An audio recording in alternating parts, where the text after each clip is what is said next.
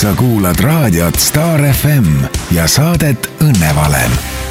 tere tulemast, Star FM-i Õnnevalem alustab taas, minu nimi on Dali Keter-Karat ja täna on minu saatekülaline inimene, kes tähistas alles hiljuti oma kahekümne viiendat sünnipäeva ja kes müüs oma raamatut kaheksa tunniga lausa kaks tuhat eksemplari. tegemist on Eesti kõige kuulsama hüpnotisööri, koolitaja ja terapeudiga Ants Rootslane. Tere tulemast saatesse, Ants. tere ma, kui ma eh, sinuga. võib-olla, võib-olla peaks ütlema hoopis tere hommikust, Eestimaa. tere hommikust, Eestimaa. no ütleme nii, et eh, Star FM-i eetris on see praegult eh, kell on üksteist ja tõepoolest on hommik, hiljem saab seda ka järgi kuulata, nii et siis. ja kes, kes siis iganes... ikka pühapäeva hommikul enne üht-teist üles ärkab, nii et täpselt õigel ajal olete ärganud, täpselt õigel ajal olete raadio käima pannud ja võib-olla nüüd ongi hea aeg siis rääkida natukene sellest, millest me täna räägime, ehk vist õnnest. me räägime õnnest ja mis mind eriti huvitab, huvitab, on õnnevale. sest et see, et mis on äh, justkui õnnelikkus ja, ja kuidas kõik õnnelikud saaksid olla, kõik see, see on nagu sellisem võib-olla natuke, see on ka väga oluline teema, seal on mul ka üks hästi äge küsimus sulle, vähemalt ma enda meelest arvan, et see on hästi äge. Aga just need õnnevale võib-olla on need sihuke võib-olla isegi väärtuslikum koht, et kuhu mitte sisse kukkuda, ja ma mõtlesin pikalt, et mis sa selle õnnevale all täpselt äh, mõtled üldse, et mis sinu jaoks see õnnevale on, et äh, on olemas hädavale, eks ju mm, -hmm. aga nüüd tuleb mängu mingisugune õnnevale mm -hmm. ja minul on ausalt öeldes täitsa küsimus, et äh, mis see siis täpselt on? aga tead mm, -hmm. lähme selle juurde, jõuame selle juurde siis, kui me jõuame selle juurde mm, -hmm. aga selleks, et natukene siin, ma ei tea, suud soojaks rääkida ja üksteist natuke rohkem, veel rohkem tundma õppida ja et ka nii raadiosaate kui ka pärast äh, podcast'i kuulajad äh, sind veel rohkem tundma saaksid õppida, siis ma tahaks tegelikult alustada sinu looga. Täna oled sa meie kõigi silme ees kui üks väga edukas noor inimene, sul on tehtud ma, kui ma õigesti tean, siis sul on kuus aastat oled ainult teinud teraapiaid ja sul on tegelikult ainult viis. viis, seda enam. mul sai viis aastat nüüd täis, et. Äh, üheksateist olid siis alustasid, on ju? just, üheksateist äh, nii-öelda lõpp ja kuskil niimoodi, et, äh, et kuskil neli pool, viis aastat on see tõesti praegusel hetkel kestnud. ja sul on üle nelja tuhande inimese olnud võimalust aidata ja sinu juurest läbi käinud, sul on praegu järjekorrad aasta-poolteist. minu arvates isegi kaks, et ma ei võta, ma ei võta kaks. praegu uusi inimesi vastu, sellepärast et neid on tõesti tõesti väga palju ja, ja ühel hetkel lihtsalt tuleb ei öelda, et ei saa neid lõpmatuseni ootama äh, lasta jääda, aga tõesti, mõned kliendid on sellised, kes on nõus ootama nii kaua, kui, kui siis äh, see aeg kätte mm -hmm. jõuab. ja see inimeste nägu, kui nad on oodanud poolteist aega, aastat, siis nüüd, see on pooleteist aasta tippsündmus nende jaoks ja siis, kui sa saad nende jaoks midagi ägedat ära teha, et äh, see on nagu väga sooja nagu tunde tekitab sisse aga kui me alustame algusest, sa oled, sa oled enda kohta öelnud, et sa oled äh, lihtsalt üks Ants Kambiast lihtne mees Ants Kambiast. lihtne mees Ants no, praegu ma elan küll rohkem Tallinnas ja, ja suvest kolin siis ka Võrru poole kohaga. Äh, ma ostsin sinna omale maakodu. aga, aga täiesti algusest alustades, siis äh, ega selles lihtsuses peituski nii-öelda võlu, et noor poiss sattus kuidagi sellise hüpnoosi valdkonna poole ja, ja hakkas seda siis terapeudina katsetama alguses alguses kellegi teise all ja hiljem siis iseenda all aga ma ütlen ausalt, et kui näiteks kui ma esimesed viiskümmend hüpnoosi tegin, siis ega ma päris täpselt aru ei saanud, mis see hüpnoos veel ongi. et see tuli kuskil viiekümnendal seansil, kus ma sain aru, mida sellega täpselt on võimalik teha ja kui palju see muudab inimest. ja vaata, mingite asjadega on nii, et kui me oleme seda väga palju teinud, siis ühel hetkel saab sellest endal natukene nagu üleküllastus ja võib-olla hüpnoos ei olnud nüüd ainult see hea viis, kuidas inimesi aidata, et tal jäi palju asju puudu psühholoogilise poole pealt ja nii ma läksingi tegelikult perekonna sellist süsteemset pereteraapiat õppima konstellatsiooni ja sealt hakkas kogu see möll pihta. ja ma olen ka väga suur konstellatsiooni fänn ja, ja jah, kogu see ja väga-väga suur konstellatsiooni fänn. aga kui me lähme nüüd natuke veel tagasi, siis tegelikult ega sinu äh, see tähehiilgus, mis sul praeguseks kätte on jõudnud, äh, see ei ole tulnud sulle niimoodi suust või nagu nii-öelda keegi ei oleks sulle nagu kätel kandnud seda ja, ja, ja see oleks sulle justkui nagu sülle kukkunud. sa oled pidanud arvestuslikku hinda ka selle eest maksma, kõik need noh, nii-öelda, mida sa oled jaganud ka oma varasemates intervjuudes äh, lapsena, kõik need õudusunenäod ja see, see ärevuse aeg teismelisena ja sa oled väga palju kolinud ja, ja kõik need nägemused ja, ja need üleelamised nende ravimitega. ma teen iga aasta sellist nagu natukene nagu nalja endaga, et ma käin astroloogi juures mm. -hmm. mul algus oli nagu endal ka skeptitsism ja siis ma lasen tal teha aastaprognoosi ja sünnikaardi ja siis astroloog ütles mulle hästi ühe korra, et kuule, kui ma vaatan su sünnikaarti, siis ega ainult sina saakski sellise eluga hakkama, mis sulle antud on. et seda on tõesti teinekord minu jaoks liiga palju olnud, aga mul on kuidagi oskus sellega siis toime tulla, et ma ei ole selline nagu läbipõleja tüüp. et ma ei põle tuhaks ära, et isegi kui ma olen kuskil natukene nagu madalseisus, siis ma tulen jälle fööniksina tuhast, võib-olla on see skorpioni tähemärgist tingitud. aga tõesti, see lapsepõlv oli selline huvitav, ma ei saaks öelda, et see oli üdini raske, aga seal oli tõesti ka nii-öelda sellist nähtamatu maailma tajumist, mis tekitas mulle hirmu, aga see juba seitsmendal eluaastal läks mul kinni. et siis, siis ma sain nagu rahulikult koolile keskenduda ja siis tuli see kolimiste trall peale, et me kolisime Lääne-Virumaalt siis äh, Tartusse ja sealt edasi Kambjasse ja, ja kuskil teismeeas tõesti see uuesti mul aktiveerus ja see oli minu jaoks siiski veel täiesti hirmutav kogu selle nii-öelda ka teis, teistsuguse maailma võib-olla tajumine ja, ja see lõppes sellega, et ma ei julgenud üksi kodus olla, äh, ma ei julgenud pimedas olla, mul olid ärevushäired ja see kulmineerus siis sellega, et ma läksin psühhiaatri juurde, psühholoogi juurde, kõik nad proovisid mind aidata, keegi ei saanud aru, mis mul viga on. et ma sain ülikanged ravimid, mis panid mu kaheksaks tunniks sisuliselt magama, ema vahepeal kontrollis, kas ma siis äh, hingan või mitte ja, ja see tramburai lõppes tegelikult sellega, kui mind kutsuti hüpnoosi saatesse. Ja, ja kui ma kogesin seal seda hüpnoosi, siis, siis minu jaoks äh, paljastus nii-öelda tõde, et see oli nüüd esimene koht, kus ma sain päriselt abi, nii et ma tundsin pärast seda ennast täiesti uue inimesena.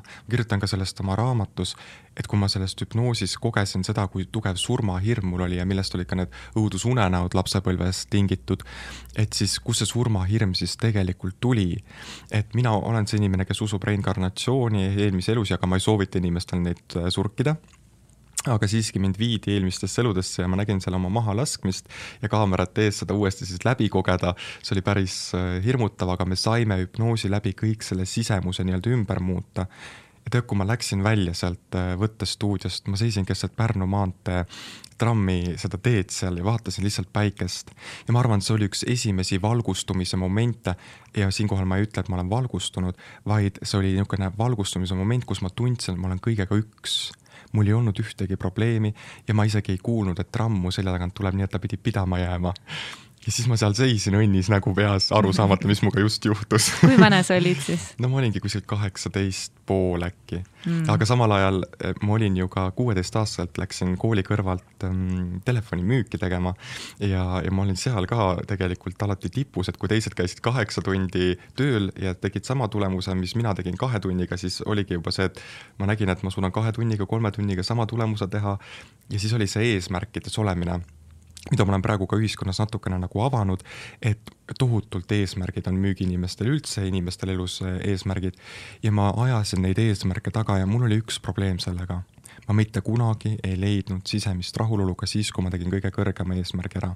sellele kaasnes veel suuremad eesmärgid äh, nii-öelda äh, kingituseks siis äh, bossi poolt ja lõppes see sellega, kus ma tundsin, et ma ei taha enam neid eesmärke. see kõlab väga selles mõttes äh, nagu tavaliselt selles mõttes, et, et kui me võtame keskmise eestlase, on ju, millises elurattas me oleme või millises niisuguses argipäevatsüklis me oleme, siis ongi eesmärkide tagaajamine, need, nende kätte saamine, teistega võrdlemine, eelkõige võrdlemine ennast nendega, kellel läheb veel paremini, siis jälle ebapiisavuse tunde tundmine, veel jõulisemalt eesmärkide seadmine, enda piitsutamine ja siis me oleme seal oravarattas, justkui täidame, täidame neid eesmärke, aga ongi seda sisemist rahu ei ole. just ja seal müügis ka, kui ma vaatasin tele, teleka pealt, et Tallinna meeskonnas üks pani, näed, see kuu kakssada, aga mina suutsin ainult sada viiskümmend müüa. et siis mul oli küll tunne, et aga miks mina siis halvem olen, eks ju, ma teen ju kõik täpselt nii nagu olema peab ja ma kasutan oma karakterit, aga ei tulnud seda kahtesadat täis ja siis ma tundsin ka, et ma olen nagu natukene läbi kukkunud. aga sellega ei piirdunud asi, kuna mul oli meeletu tõestamise vajadus, siis äh, see on seotud äh, isa teemaga ja, ja siis äh, ma otsustasin, et ma tahan nüüd äh, meeskonda hakata juhtima. ja kuna mul oli äh, pereliige selle ettevõtte omanik, siis mul see ka õnnestus endale välja kaubelda ja õige pea äh, kaheksa, üheksateistaastaselt äh, alguses ma juhtisin ise müügimeeskonda mul oli viisteist inimest umbes ja ma koolitasin neid, ma motiveerisin neid ise samal ajal koolis käies. et ma praegu mõtlen nagu hoian peas kinni, mida sa hull nagu tegid, mida sa nagu korraldasid. aga ma sain aru, et mul oli seda hullust nagu vaja selleks, et äh, esiteks ma harjuks intensiivsusega ära ja teiseks, et mul tekiks äh, juhtimise kogemus, inimestega suhtlemise kogemus ja see on toetanud täna minuga tära, tä, terapeudi nii-öelda tähelendu ja nende mõtete edasiandmist, mida ma ühiskonnas praegu edasi annan mis on olnud sinu elus sellised äh, nagu milstone'id või siuksed ähm, verstapostid, et vot selles kohas muutus mu elu või selles kohas tuli minusse mingi teadmine või mingi taipamine või mingi info, pärast mida ma olin, nagu sa kirjeldasid seda esimest hüpnot. Teraapia kogemust. see oligi minu esimene selline mm -hmm. koht, kus äh, ma teadlikult täiesti teadvustasin, et mulle ju öeldi hüpnoosiseansil, ma ei tea, kes see oli, kes ütles, ma ise naersin ka selle peale, et ma pean inimestega töötama. aga ma mõtlesin, et see juhtub kolmekümne viieselt ja kuna mu ema oli nii-öelda massöör olnud ja ma olin temaga lapsena kasvanud, ma mõtlesin, mina küll sellist tööd ei taha teha. ja, ja kuna see äh, nii-öelda tung oli nii tugev sees, mis ütles, siis kõik hakkas ise veerema ühel hetkel pool aastat hiljem avastasin, et ma olen läbinud hüpnoosiõppe. ma võtan juba esimese kliendi vastu ja siis ma küsisin nagu, mis toimub. ja kuna mind põnevusega meelitati nii-öelda selle rattalõksu, siis mis minu, mõttes? no mulle meeldis ju see kõik, mul esimene klient oli näiteks ka eh, noh, eh, hästi tuntud inimene ja siis põnev, eks ju, noore poisina, et eh, teda hüpnotiseerida ja nii edasi. ja, ja sealt nagu tekkis selline põnevus natukene ja siis ma sattusin selle rattasse, aga kui ma avastasin ühel hetkel, et see töö ei olegi nii kerge, et ega ma ei osanud ju alguses neid piire nagu seada, siis ma võtsin selle kõik enda sisse ja no oli neid hetki, kus ma Tallinn-Tartu maantee peal tõesti nagu lahistasin nutta teadmata miks ja mõtlesin, pekki, mina rohkem ei suuda mm. aga siis ma tegin otsuse enda sisemuses, et äh, kõik, need on kliendi lood ja minul on oma lugu, kliendi lugu ei ole minu lugu ja ma ei pea sellega pärast teraapiat enam tegelema. pärast seda otsust midagi, midagi juhtus ja ma ei võtnud enam neid kliente äh, niimoodi endasse. Kas äh, see sihuke valgustumise tunne, kaua see kestis või kas see on sinuga siiani?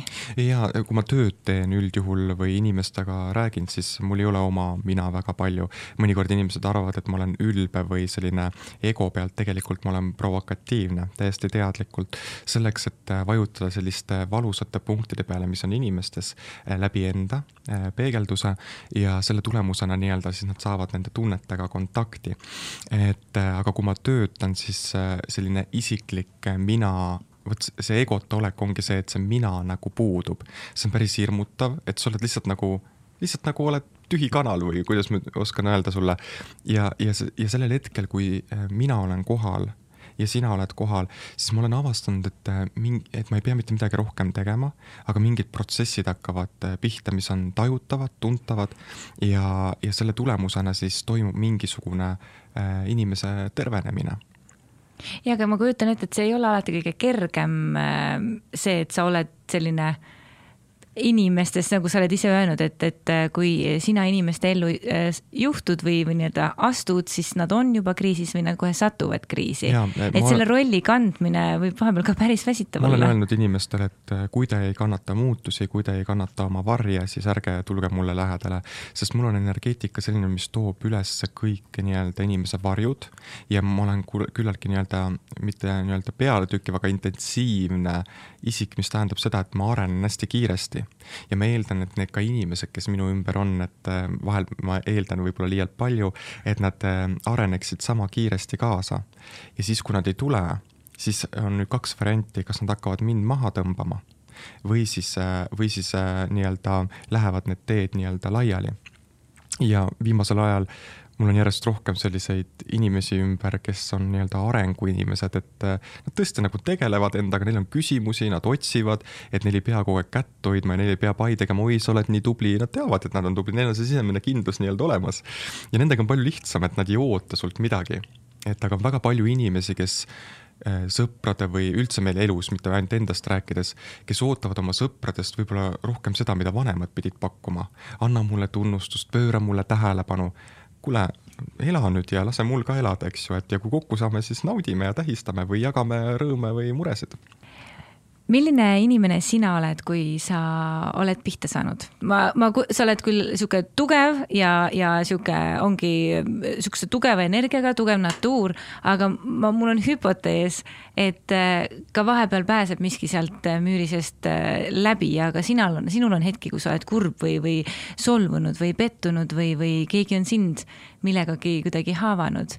ma ei ütleks, et see on müür, esiteks.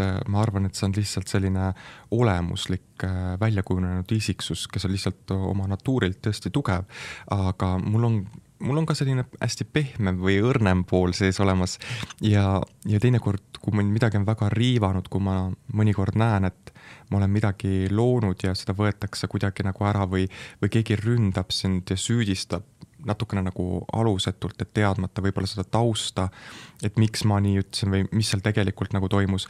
et siis vahel on nagu tunne, et kui sa oled aastaid nagu inimesega äh, nagu lävinud ja, ja sind ei mõisteta või isegi ei esitata mingeid küsimusi, et siis mul nagu tekib vahel selline pettumus, mitte solvumine mm. -hmm. solvuvad ainult väiksed lapsed, sellepärast et äh, solvumine ei ole täiskasvanute äh, rida, need inimesed, kes solvuvad, need peaksid endale otsa vaatama, need on tüütud inimesed.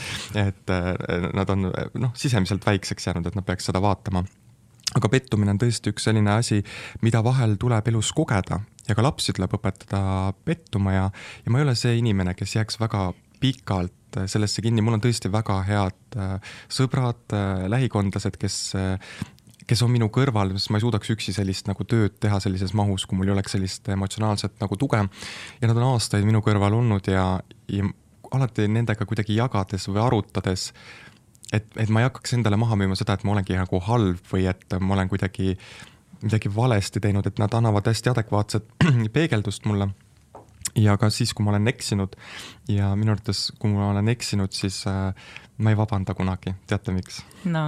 sellepärast, et vabandamine tõstab selle teise inimese kõrgemale, paneb mind madalamale positsioonile, tekib kohe äh, nii-öelda uus pingekolde võimalus tulevikus. Äh, kõige parem on öelda, mul on kahju mul on kahju, et mhm. ma nii ütlesin, käitusin, tegin ja, ja mina ka ei oota inimestelt, et nad vabandaks minu ees, kui nad on midagi teinud. piisab sellest, kui sa ütled, et mul on kahju ja ma tunnen, et sul on päriselt nii-öelda kahju, et sa oled nii öelnud, teinud või käitunud, et sellisel juhul äh, neutraliseerub see nii-öelda võrdselt ära, et me saame võrdsesse posi-, võrdsest positsioonist edasi minna. ja, ja ma arvan, selline andestamine on üks olulisemaid asju sest andeks andmine on ühelt poolt ka see, et mina annan sulle tagasi selle noahoobi, mis sina mulle lõid ja ma võtan tagasi selle, mis sa mult varastasid mm. -hmm. et see on tegelikult andeks andmine, ma annan sulle tagasi mm. -hmm. Mm ja, ja, ja andestamise räägitakse väga palju südames andestamisest ja, aga selleks, et südames andestada, selleks me peame olema üldse kehaga kontaktis. ja, ja kui sa oled kehaga kontaktis, tunnetega kontaktis, siis siis ühel hetkel ei mõjuta sind nii palju need välised, et kui sa oled terapeut, sa ju tead, mis projektsioone inimesed sulle teevad, sa tead, mis kolmnurkades nad on, et siis sa saadki aru, et see inimene käitub sinuga täpselt selliselt nagu talle on võib-olla õpetatud või et see tegelikult ei puutu sinusse, et ta lahendab oma isiklikku teemat praegu minu kaudu. ja vot siin ma olen küll väga nii-öelda jäik või ütlen, et kui ma tunnen, et see on projektsioonist tingitud äh, selline äh, halb tegu, siis ma teen küll stopi ja ma keeldun äh, selle inimesega mingil ajal suhtlemast, kuni see, kuni see inimene hakkab ise aru saama ja tavaliselt elu annab meile märku neid õpetusi, kuidas siis aru saada. kuidas sina teed vahet sellel, kas, et ongi, et, et sa saad aru, et inimene projitseerib projitseerib sulle midagi peale ja, ja või siis ta vajutab sinus mingeid punkte, mida sa ei taha näha ja siis sa hoopis, hoopis nii-öelda peegeldad talle seda ja siis paned, paned nii-öelda äh, stopi peale, öeldes, et äh, tegele oma teemaga, aga võib-olla tegelikult käivitus hoopis sinu enda sees mingisugune valukeha. siis ma saan vaadata ajatelge, et kas mul minevikus on olnud selliseid nagu valuteemasid või selliseid raskeid kohti ja ma olen ka öelnud, et selleks, et äh, aru saada sellistest asjadest, pead sa nendel hetkedel, kui sellised olukorrad tekivad, lõpuni välja minema, sa ei tohi põgeneda mm. -hmm. sa pead minema täiesti totaalselt alguselt lõpuni ja nägema, mis siis juhtub. ja, ja kui inimesed, äh, kuidas ma saan aru, et on projektsioon, kui inimene ei ole valmis sinuga seda teemat näiteks arutama või lahti selgitama, sest tema jaoks on see liiga valus siis tähendab mm. seda, et järelikult ta on minusse midagi projitseerinud, mis on liiga valus, mida tal on raske minuga lahendada. aga teadmata seda, et see kuulub tegelikult mulle. ja kui tekib näiteks äh, enda sees, kui sul muidu ei ole ärevust ja sa tunned mingi inimesega, et sul tunned kogu aeg nagu niisugust ärevust või pingel olekut ja niisugust kummalist nagu tunnet, siis, siis sa võid nagu kindel olla et on projektsioon sees.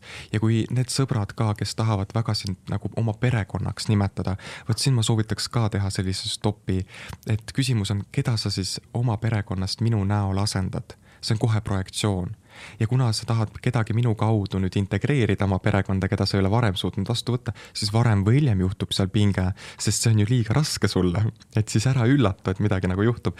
ja, ja kuna ma olen selline tundlik natuur ja parajalt selline äh, provokatiivne, siis ma üldjuhul ütlen ka otse välja, kui need asjad on.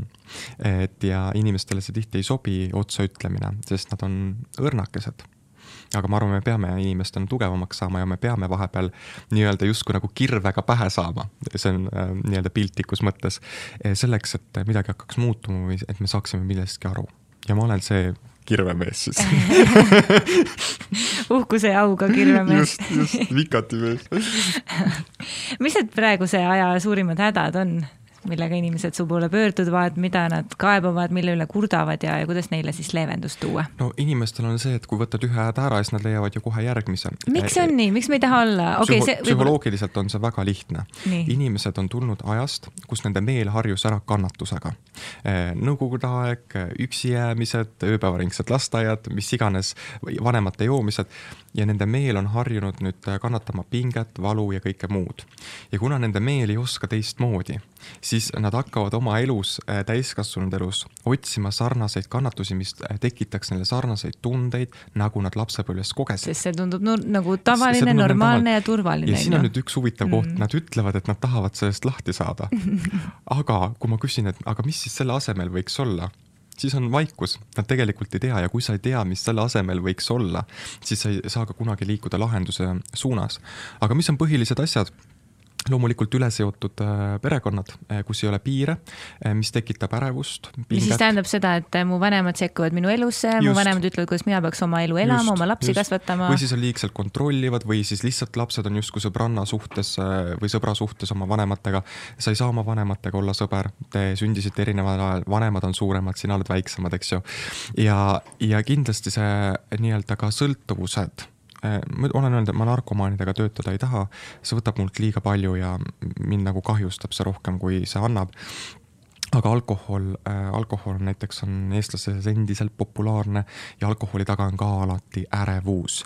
et meil ei ole mõtet töötada alkoholismiga kui sümptomiga, vaid selle taga on ärevus, millega tuleb töötada ja enne kui sa seda ärevuse fooni inimeses maha ei saa, enne ei hakka ka see sõltuvus kuskile taanduma. no sa isegi oled ju soovitanud võtta paar klaasikest veini, kui see ärevus liiga kõrge on e,. mitte ärevus liiga kõrge, eh, sa ajad täiesti segamini. No. E, see on nüüd see koht, kus inimene, kui ta nii-öelda läheb päeva päevarütmist tahab tegeleda nii-öelda iseendaga või tegeleda mingisuguste meditatsiooniga või kuulata mingit head asja või lugeda raamatut, et siis ma olen soovitanud tõesti, see on võib-olla riskantne soovitus, aga ma siiski seda teen.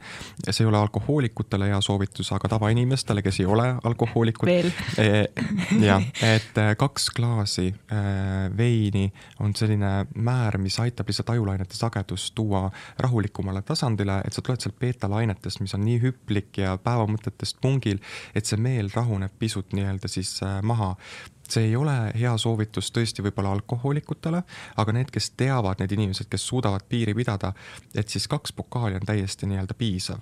ja vot ma ei ole see lasteaiakasvataja, kes ütleks, et nüüd sa ei tohi kolmandat võtta või et ise vastutad tehke, mis tahate, et äh, ma ei ole mingi preester, kes tuleb teile ütlema, et kuidas teie elama peate. sa oled see pikati mees, kes pärast just, tuleb äh, ütlema, et sa tegid just, seda valesti. ütlen, ütle, mida tahan, sest ma olen tõesti ise nagu praktiseerinud seda, et, et kui sa oled päevatoimetustest, kui sul on hästi kiire elutempo, et kui sa tahad vahel tulla nagu välja, sa ei viitsi tund aega nüüd mediteerida ja hull senniks minna, et siis äh, mitte iga õhtu, aga ma joon suhteliselt nagu harva, aga näiteks pidudel ka ma võtan kaks klaasi seda veini ja ongi nagu kõik, et mul ei ole rohkem vaja, mu keha ei taha rohkem lihtsalt. no mulle tundub, et keskmine eestlane võtaks äh, sinu nõuannet praegu kuulda niimoodi, et ah, et mul on nii tempokas elu, mul on äh, ikkagi kaheksa tundi päevas pean seal tööl olema, muudkui tegema, ülemus rahu ei anna, justkui annab õigustust iga õhtu see kaks pokaali veini võtta. vot siis need inimesed on küll idioodid et ärge sellist soovitust küll kindlasti kuulda võtke, ma mõtlesin just seda, et kui sa tahad endaga nüüd tegeleda mingil hetkel ja tunned lihtsalt, et tahaks natukene nagu lõõgastuda, et me räägime ikkagi siin võib-olla korra kuus või korra nädalast, et ma ei anna mm -hmm. kindlasti sellist soovitust, kui sa iga õhtu hakkad jooma veini, siis see lõpeb äh, katastroofiga, ehk sellest saab sinu nii-öelda üks toimetulekuviise. ja nüüd on väga oluline vahe, kas inimene on toimetulekumaailmas või arengumaailmas. arengumaailmas see tähendab seda, et äh, ma uurin, ma küsin, ma tegelen endaga, ma saan aru, mis toimub, eks ju. aga toimetulekumaailmas tehakse seda, et mul on mingisugune sümptom, mida ma isegi võib-olla ei taju, aga ma söön hästi palju, ma joon hästi palju, et siis äh, mul keha nagu on kuidagi nagu uinunud olekus mm. -hmm. et siit üleskutse inimestele, ärgake ülesse, et saage oma keha kehaga tuttavaks, et meile mm. räägitakse väga palju igasugustest äh, toredatest eesmärkidest ja positiivsest mõtlemisest, aga keegi ei räägi näiteks inimestest, äh, inimestele sellest, mis meil tegelikult viga on. ja üks põhiline asi, mis inimeste sees on, on viha vot sa ennem rääkisid ka. metsikult alla surutud viha, eriti minu meelest naiste seas ja eriti, mida ilusam naine on, mida siuksem pehmem ja nunnum ta mm. on, minu meelest seda äh, tugevam on see alla surutud viha ta sees. üks nõid ütles mulle kunagi, et naine on nagu maa, seal on Antarktikat, kõrbe, aga seal on ka džungel, kunagi ei tea, kus uss välja hüppab et naiste puhul see tõesti ja ka meeste puhul ja peab see teinekord paika, aga mehed on niisugused tasakaalukamad. ja meestele minu meelest ühiskondlikult on on rohkem lubatud nagu ikkagi vahepeal vihastada või mingi sihuke mehe vaata, sõna ikka maksma panna. natukene nagu see machokultuur, aga see hakkab nagu ära kaduma, kus need võllid vennad siis käivad. ja, ja nüüd on popp-mees on see, kes nutab. ma annan sulle lõuga, eks ju, et praegu ja see on ka natukene nagu totter, et need mehed siis nüüd tembeldatakse kuidagi nii õrnakeseks ja hädavareseks, et nüüd nutame kõik no, võib-olla enne selle tasakaalu leidmist tuleb ikkagi nagu mm kõigepealt oleme seal ühes äärmuses on ju, siis nüüd lähme sinna teise äärmusesse, kus need mehed on siuksed namasteed ja nutavad, on ju, mhm. ja võib-olla siis ühel hetkel on see nii-öelda kohtuvad seal keskel lihtsalt nende vaimsete eh, meeste puhul ka seda, et nad lähevad, nad kaotavad selle mehelikkuse või jõu nagu ära mm., et nad, eh, et minu arvates meesenergia ei ole selline, kus peaks grupiviisiliselt nüüd kokku saama ja nutma kõik, eks ju. et võib-olla kahe-kolme sõbraga ägedalt teeme midagi, aga et me käime grupiviisiliselt nädalaid tantsimas ja, ja, ja siis äh, nutmas, eks ju, et see viib liiga võib-olla mehed, see on naisenergia tegelikult. mehed on ju loomuselt algupäraselt sellised korilas, mitte korilased, vaid kütid, eks ju. et aga seal peab ka olema kindlasti selline pehmem, õrnem touch olemas ja väga paljud naised ütlevad mulle teraapias, et see on neil kodus olemas. aga väljapool kodu nad on ikkagi sellised mm. nagu võitlejad. aga tulles siia viha juurde tagasi, ma arvan, et et kui me ei suruks nii palju viha enda sees alla ja see võib ka olla üks põhjusi, miks meil aeg-ajalt toimuvad sõjad ja mille pealt sõjatööstus töötab, sest meil on kollektiivne teadus, mida Freud väga hästi kirjeldas, äh, kus siis koguneb kogu see nii-öelda viha, mis inimeste sees on, kollektiivsesse tasandisse, ühel hetkel see paisub nii suureks, et see peab kuidagi plahvatusega laiali minema. ja siis need valukohad, mis maailmas nagu on, eks ju, need riskantsed riigid, need siis järjest nagu plahvatavad ja siis relvatööstus hakkab sinna omakorda tootma relvi ja, ja meie viha pealt tegelikult toimib see kõik. et inimestel tuleb julgeda rohkem võib-olla vihaga tööd teadvustada ja, ja noh, need, mis ma olen siin telekast või kuskilt näinud, need vihaga tööd, need ei ole adekvaatsed. vihaga töötatakse alati objekti suhtes, mis tähendab seda, et me peame aru saama, mis objekti suhtes meil viha on tekkinud ja miks see on tekkinud. kas viha on alati kellegi või millegi suhtes, et ei ja. ole lihtsalt niimoodi, et ma lihtsalt, ma olen nii metsikult vihane, aga, aga ma ei tea, mille pärast. aga kuskilt see viha sinu sisse sai, näiteks üks koht, kus äh, äh inimeste sisse tekib viha on see, kui nad seal kuskil teisel kuni viiendal eluaastal kogevad äh, vägivalda äh, vanemate poolt või, või vanemate vahel. Ja kui nad on üksi, nad ei, laps ei tule, lapse psüühika nagu õrn klaas, ta ei tule sellega toime. Ja siis ta võtab selle viha osa iseendasse ja ta hakkab seda alla suruma või teine variant mm. hakkab seda väljendama. ja kui ta nüüd alla surub, siis tulevikus hakkavad tekkima depressioon, ärevushäire, sest kui ma surun viha enda sees alla, tekib jõuetus. ja ma olen siin mitmes kohas andnud ka soovituse, et äh, kui sa saad aru, kelle peale sa vihane oled, kas ema, isa või venna-õe peale, mis iganes, kelle peale, et siis pane ta toolina kuskile sinna äh, istuma ja võta see padi kätte ja lihtsalt peksa seda tooli äh, projitseeringuga, et see on sinu äh, siis vend, õde või, või ema-isa, eks ju, või, või mingi kurjategija, kes tegi sulle liiga ja peksa seda nii kaua, kuni ja ütle kõik välja kõva häälega aga ole nii-öelda teadlik sellest, mida sa ütled. ja nii kaua tee seda, kuni toimub sinus rahunemine. ja uskuge mind, see protsess nii-öelda töötab. kui ma lihtsalt tambin patja kuskile, teadmata, miks mu sees viha on, siis, siis see viha ei kao ära, vaid ta nii-öelda ajutiselt nagu hajub. saab leevendust Just, korraks, on ju. ja see on jälle toimetulekumaailm aga hakkab eskaleeruma, sest viha tegelik punkt on jäänud lahendamata mm.. et äh, jah. no kui palju sina oled äh, seda tooli peksnud? no ikka on, on läinud ikka, aga mulle meeldib, tead äh,, näiteks ma olen öelnud ka, et tippsportlastel ei tohi viha ära võtta, nad on kõik vihased. Ott Tänak, ta ei oleks maailmameister, kui ta ei vihkaks oma isa sisemiselt või ei oleks vihane. et äh, see tähendab seda, et ma olen lapsepõlves kogenud mingit ebaõiglust ja nüüd ma näitan, et kui mm. vinge mees no see jõud on taga suurem, on ju. just, väga õige on see, et ähm, viha on justkui nagu loovenergia, ta on nagu jõuelement natukene ja selle, see ei pea olema agressiivne, vaid see aitab meil siis äh, teatud mõttes nagu ka saavutada. aga vaata, kui sa lähed nagu ainult viha pealt saavutama või selle äh, viha jõu pealt, siis, siis sa ei jõua kunagi sisemise rahuloluni, sest sa teed seda millegipärast, et kellelegi tõestamiseks mm -hmm. midagi. tegelikult meil ei ole vaja tõestada edu kui selline. mõtlesin üks päev edu peale ka, et. sa kirjutasid väga huvitava Instagrami postituse. tõin natuke Kleoprat, Kleoplat, Geop... Kleopatra. Kleopatra, mul on keel sõlmes siin hommikul, ei ole veini joonud ei ole ka pidutsenud. Äh, äh, ja ma mõtlesin, et see, vaata, mulle saabus järsku suur edu et noh, ühelt poolt ma olen harjunud sellega, et mul on mitu aastat järjekord ja, ja kõik räägivad ja väga tore, aga ma ei osanud tõesti oodata, et see raamat nüüd mul kolme päevaga välja müüakse. ja, ja ma ei osanud seda kuidagi vastu võtta. Ja siis ma sain enda sees nagu aru, et ma ei ole kunagi töötanud selle nimel, et nüüd see raamat, et mul oleks see eesmärk nüüd olnud kuidagi, et ma töötaksin nimel, et see raamat müüks kohe ennast välja. ma mõtlesin, ta jõuab ikka raamatupoodi, et ma jõuan rahulikus tempos, aga ühel hetkel saad sa nagu kõne pooleteist tunniga mingi fopaa mm. juhtunud. Ja siis sa ei oska seda vastu võtta. Ja mulle tundus, et see on nagu soe õhk, mis võib muutuda ka külmaks õhuks natukene.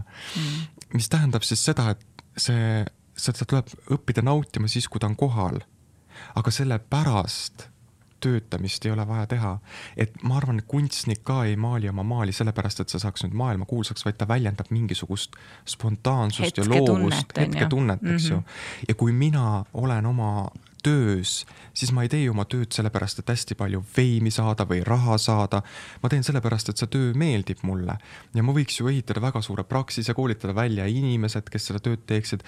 aga mulle meeldib see, et ma teen oma tööd ise ja et need inimesed, kes minu juures käivad, nemad aitavad mul tõusta teadmiste mõttes ja kogemuste mõttes kõrgemale tasandile. ja ma arvan, et see on see väärtus, mida ka inimesed tulevad otsima, et et ma ei taha kuidagi olla, vaid ma olengi nii, nagu ma olen.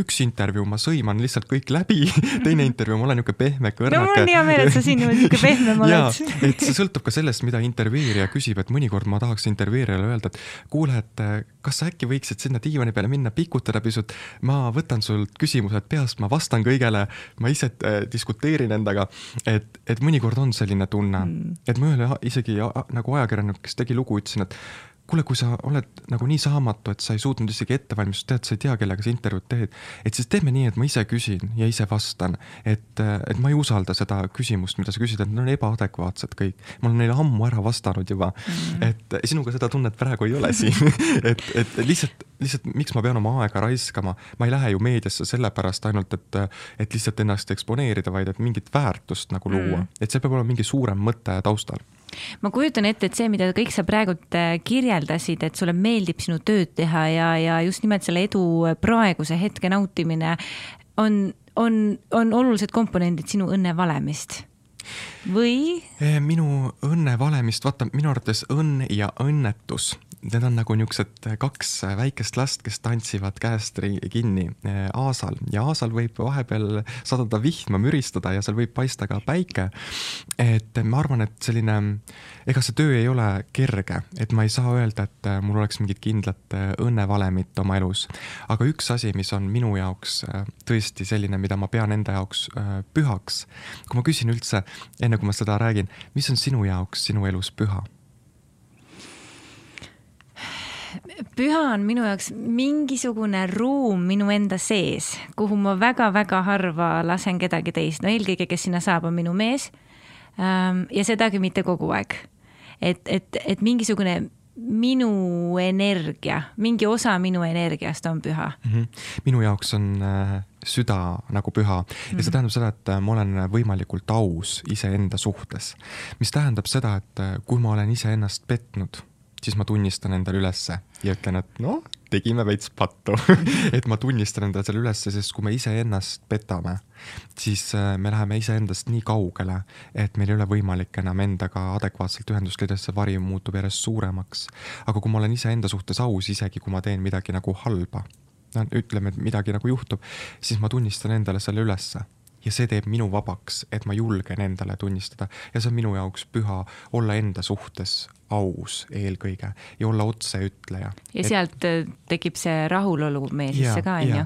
tekib rahulolu ja, ja õnnevalem on ka, ma mõtlen see, et kui meil on sellised inimesed või asjad oma elus, mida me ei mõõda ainult nagu rahas. et kui ma saan sõbraga maha istuda, meil on niisugune sügav vestlus elulistel teemadel, see toidab minu hinge nii palju ja see teeb mind kõige rohkem õnnelikumaks, rohkem kui see, et kuskilt siin meedias eputan või klientidega töötan. aga see, kui ma saan päriselt mingeid asju arutada, mingeid uusi mõtteid genereerida, eh, oma valukohti arutada ja sa tunned, et sind ei mõisteta nagu hukka, vaid et saadakse aru, et vau ja, ja see, see teeb mind nagu elus õnnelikuks, et ähm, raha on see, mis tuleb ja läheb ja ma valimatult täiesti kõiki raha, mis tuleb, ma kohe panen kuidagi ringlusesse edasi. ma kohe loon mingisuguse uue asja, ma meelega ei hoia enda käes suuri raha tagavarasid, sellepärast et raha ei ole midagi sellist, mis tahaks sinu käes hoidmist, ta peab olema ringluses.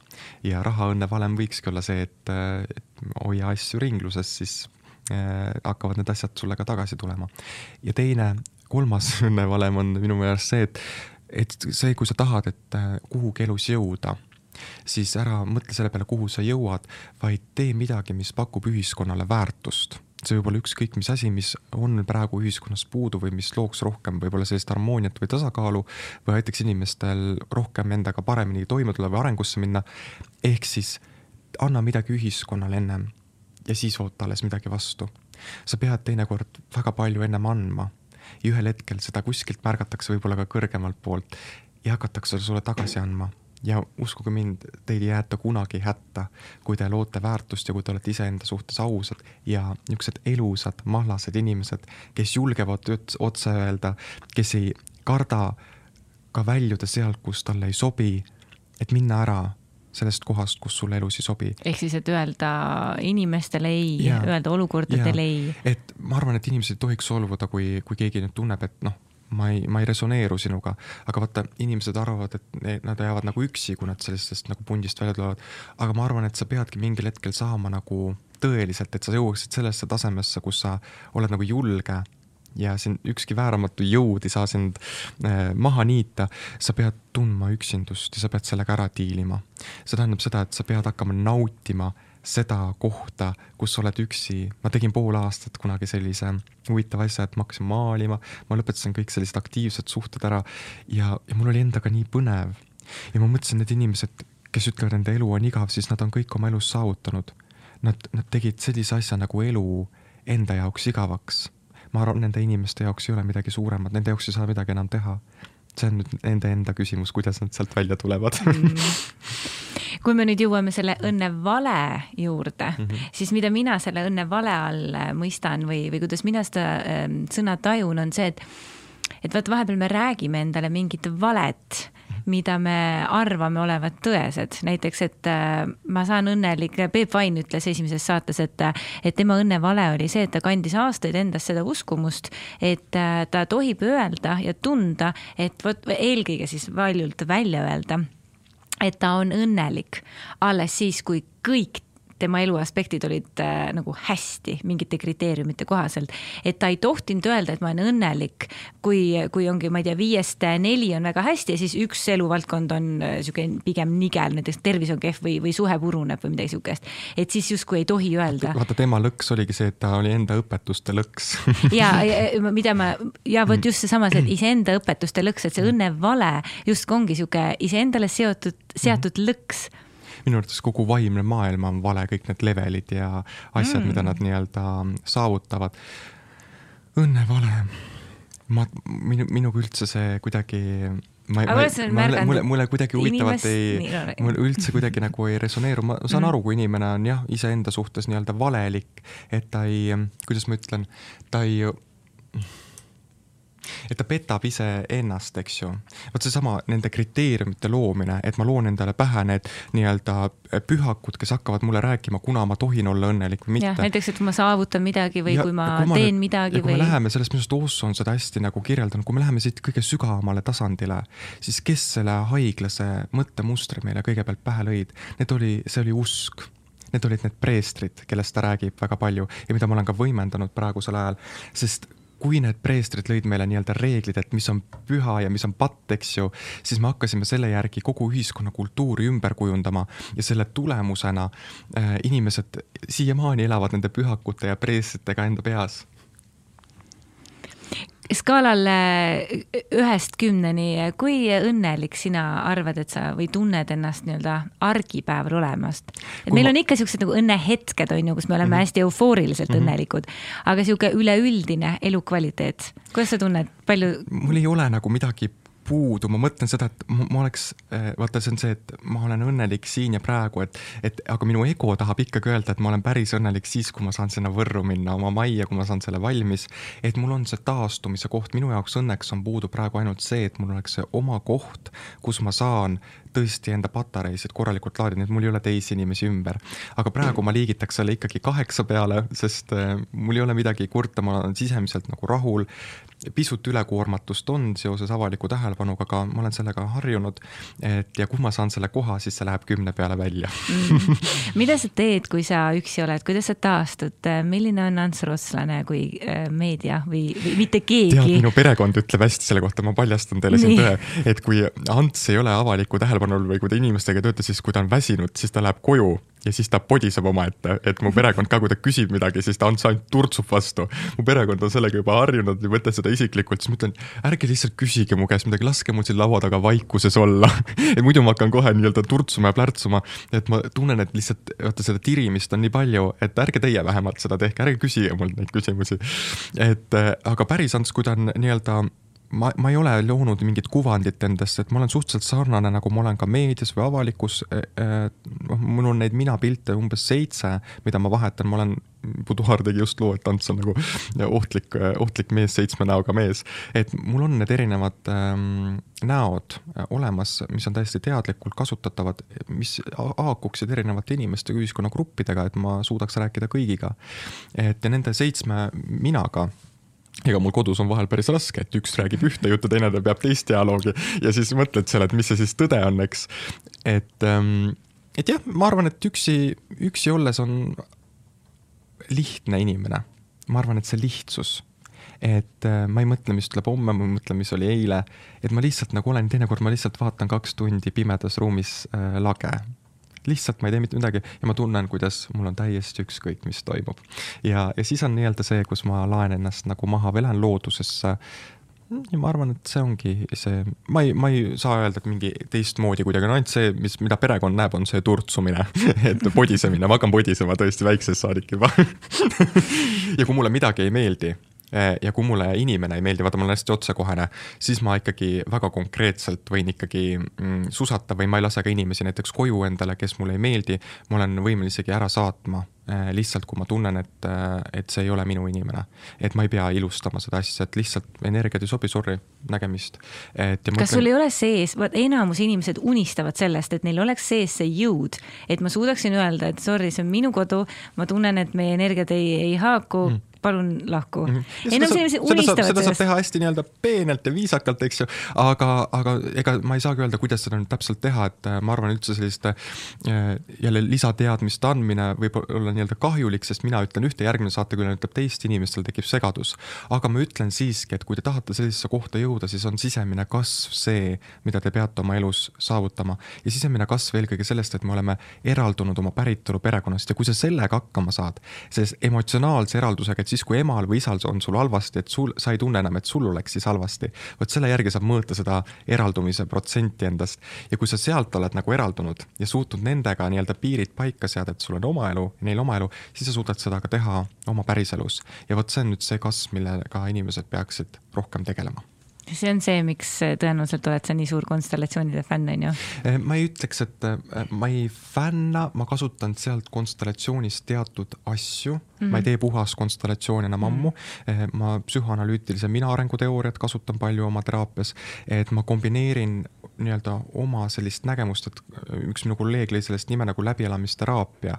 et midagi sellist võib-olla, et mis tegeleb mina arenguga, et seal ei ole grammigi esoteerikat nagu praktiliselt nagu sees mm., aga siiski ma ületan ka neid müstilisuse piire, sest see ongi see, mille pärast inimesed mind hindavad, et ma ei ole kuiv õpiku järgi terapeut, kes ütleb, koolis tehti nii, hakkame nüüd niimoodi pihta, paneme sulle tabletid. ei, mul ei ole isegi õigust tablette panna, see on väga hea, ma pean muud vahendid leidma, leidma mm kui palju sul enda argipäevas on selliseid ähm, äh, rituaale või, või äh, harjumusi või, või mida sina igapäevaselt teed ja kas sa üldse teed midagi? kuna ma olen energiameister, ma olen äh, õppinud äh, väga ägeda õpetaja käe all aastaid juba äh, sellist energiatööd ja sellist teistmoodi sümbolitega tööd, siis ma tõesti praktiseerin sellist energeetilist tervendust, mida ma teen ka tihti ka klientidega, trauma äh, energia healing ut, mis tähendab siis seda, et inim-, inimese keha hakkab tundma niisugust soojuse, kuumalained, värinaid. et, ähm, et seda ma teen iseendale, et äh, hoida energeetilist nii-öelda puhtust, sest emotsionaalse puhtuse hoidmine on minu töös äärmiselt oluline. ja need on need rituaalid, mida ma ikkagi aeg-ajalt teen ja mulle meeldib keerutada. ma olen äh, suur sufismi äh, fänn, ma võin kaks tundi järjest lihtsalt keerutada ja üks mees, kes keerutas kolmkümmend kuus tundi järjest, tema sai valgustunuks, aga minul seda plaani ei ole hetkel et aga see keerutamine tõesti, see nii-öelda mm,, mida sufid siis teevad, et ühe koha peal ümber telje keerlemine, see loob nagu keeristormi. ja, ja sinu ümber on, meie ümber on alati torm ja tormi silmas on alati vaikus, mis tähendab seda, et kui ma keerutan, siis see torm läheb justkui nagu kaugemale ja see silm läheb järjest nagu suuremaks, et ma satun nagu sellisesse nagu hästi tugevasse kohalolusse läbi selle. ja ma tulen meelest välja ja see tsentrifuug, et aju ei saa enam aru, mida ma täpselt nagu teen ja kõik vanad mõttemustrid kaovad ära et siis ma naudin tõesti keerutamist ja ma tahan teha uuel aastal, kuna seminaridele soovijate hulk on nii suur, siis ma tahan uuel aastal kuskil Saku Suurhallis sellelaadses ruumis teha sellise suure äh, ägeda seminari inimestele, kus oleks mitu tuhat inimest ja et me saaksime koos neid ägedaid nagu praktikaid teha, sest ma kujutan ette, mis energia seal nagu võib äh, tekkida, kui me kõik koos näiteks keerutame, mis iganes me teeme seal. et, äh, et see on põnev ja. oled sa igapäevane mediteerija ka? Minu jaoks kogu elu on meditatsioon, äh, sest ma olen palju Osso meditatsioone teinud, mis on ka üks minu igapäevastest praktikatest. ja see õpetus ütleb ka ju kindlalt, et kui sa juba neid meditatsioone teed, siis sa pead suutma selle integreerida oma ellu. mis tähendab seda, et kui ma maitsen kohvi, siis ma teadlikult, mis maitse sellel on. Äh, kui ma lähen vihma kätte, siis ma tajun neid vihmapiisku. kui ma räägin sinuga, ma tajun, mis sinu sees toimub, mis sinu peas toimub, eks ju. et ma olen kõigega ühenduses, isegi kui ma tundun vahel selline rabeleja, ma saan täpselt aru, mis toimub mul on silmad igal pool. ehk siis ma olen kõigega enda ümber ühenduses. et ja mulle meeldib tohutult armuda, tead, ma võin poemüüjatesse mõnikord armuda, isegi tänavaposti, kui see on nagu äge, sest see teeb mind nagu kuidagi elusamaks inimeseks. ja ma soovitan inimestel selliseid väikseid armumise momente koguda, kogeda oma elus. see ei tähenda nüüd seksuaalset tiha otseselt, vaid see tähendab lihtsalt seda, et sa armud sellesse ilusse ja mis on veel tähtsam minu arvates elus kui, kui ilu kogemine iseendas ja seejärel ka väljaspool ennast. et ja ma arvan, Osso meditatsioonid on ühed ilusamad meditatsioonid, mis õpivad, õpetavad elu kogema tema kaoses intensiivsuses, rahus ja õnnes. ja selle oluline roll on alati ka tähistamisel. et ma arvan, need on alahinnatud ja ma olen see inimene, kes need Eestis teeb populaarseks uuesti, sest äh, need on teaduslik kultuurid, need on väga-väga head. dünaamiline kundaliini, need on nagu imelised asjad ja mis mõjuvad ka trenni eest mm. -hmm. Mm -hmm. ja mulle hästi meeldis see see armumise koht, äh, ma mäletan aastaid tagasi, kui ma olin äh, vist esimest korda oma elus vallaline ja märkasin iseendas sellist äh, mõtet, et selli-, selline nagu mõttelõng oli, et, et huvitav, et kas ma ei olegi nüüd väärtuslik ja siis ma ei ole väärtuslik, sest mu kõrval ei ole kedagi. ja samal ajal oli see minu enda otsus, et lahku minna. ja siis mingi, et oot-oot-oot, see nagu kõlab nii valesti. ja siis ma otsustasin armuda iseendasse ja siis see nagu noh, muutis nii palju, see. ja armumine iseendasse on ka ohtlik mingis mõttes, sest armumine kestab ju kuus kuud kuni üks koma viis aastat või mis need päevad, täpselt see päevapealt võib ära lõppeda. Ehm, ja eh, mina olen teadlikult valinud praegusel hetkel seoses oma tööga, mul on ilmselt mingisugune ülevalt poolt suunatakse, mul ei lastagi kedagi nagu niimoodi ligi et äh, ma käin oma teed üksi ja see ei tähenda seda, et ma oleks kuidagi poolik, pigem ma olen tervik, et äh, see tähendab seda, et ma olen üksinda suutnud panna enda sees kokku niivõrd suure nagu tasakaalu või harmoonia, et nüüd on väga raske ka kellelgi teisel sinna kõrvale tulla, sest äh, need inimesed, kes on olnud lühiajaliselt, need on mulle tapvateks osutunud, sest nendes ei ole sellist nagu nad ei ole arengus sinnamaani jõudnud, võib-olla nad pole kunagi arenguga tegelenud, et see väline kest on võib-olla ilus. ja, ja siis on minu koht see, et kas ma nüüd hakkan seda inimest nagu üles kasvatama ja kui ma lasen tal lihtsalt nagu olla, siis see tegelikult ei paku mulle, sest ta ei suuda minuga vestelda. et siis ongi minu jaoks selle koha pealt käärida, aga ma ei põe seda, et ma olen nagu üksi ja, ja mulle nagu meeldib see, sest kui ma lähen õhtul koju, ma saan nagu taastuda et äh, ma olen rohkem inimeste äh, inimene praegusel ajal, aga ma ei välista, et hiljemalt kahekümne kaheksandaks eluaastaks siiski ka mul tore naine on, kellega abielluda, siis ma lubasin juba kahekümne viieselt abielluda. aga siis ma varastasin hoostalt sellise idee nagu, et abielus inimesed on surnud inimesed ja käivitasin selle propaganda ja, ja ma tegelikult raamatus ka kirjutan, mis ma siis sellest ise arvan, et ma laiendasin seda mõtet natukene ja, ja kirjutasin lahti kogu suhete rägastikku. mitte see, et baasvajadused peavad olema täidetud, vaid mis seal suhetes siis tegelikult juhtub ja miks miks need probleemid seal tekivad ja kuidas neid siis lahendada. Mm.. ma ei tea, ma läksin jälle mitmesse teemasse korraga. On sul praegu siin äh, kiirelt, meil on veel mõned minutid äh, jäänud suhted on üks selline teema, mis inimesi alati huvitab, sest need ju alati pakuvad meile erinevatel tasanditel nii rõõmu kui, kui närviminekuid.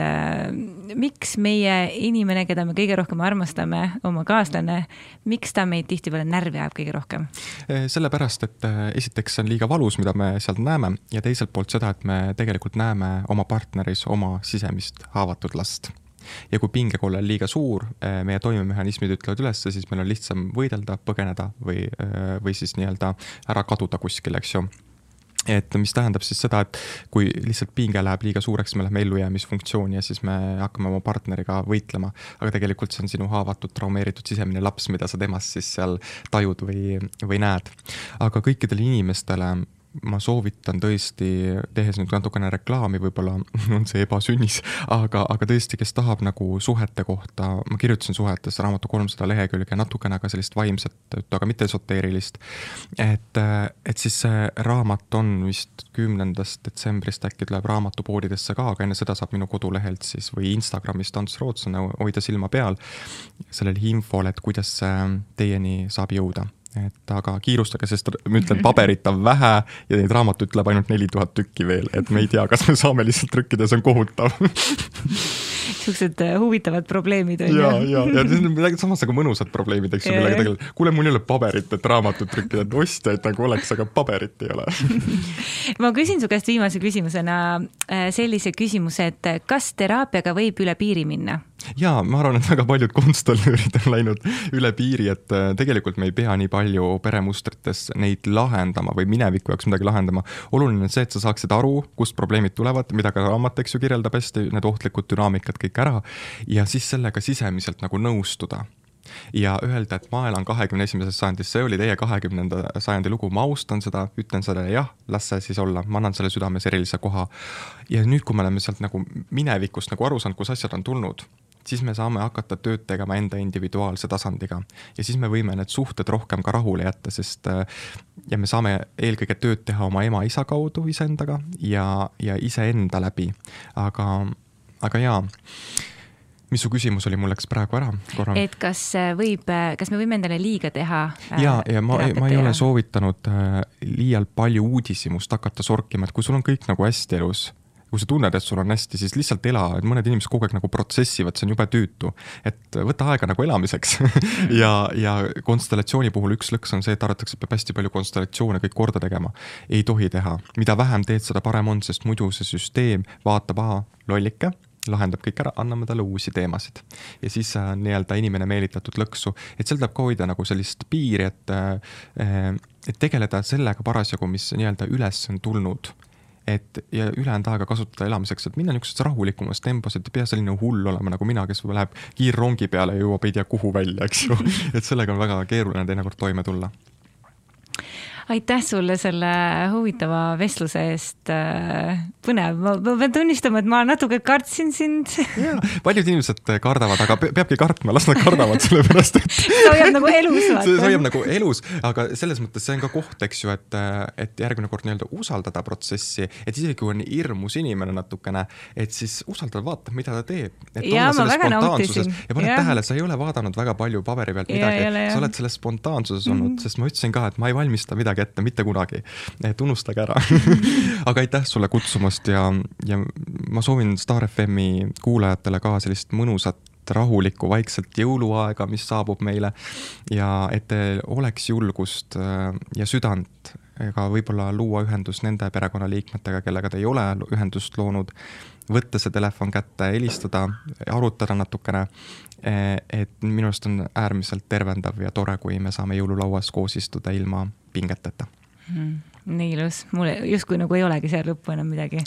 ei hakka ära rikkuma seda ilusat lõppu, aitäh. ja aitäh teile. kohtume järgmisel korral. Uus raadiosaade Õnnevalem on eetris igal pühapäeval üheteistkümnest kaheteistkümneni. saated on järelkuulatavad raadio Star FM kodulehel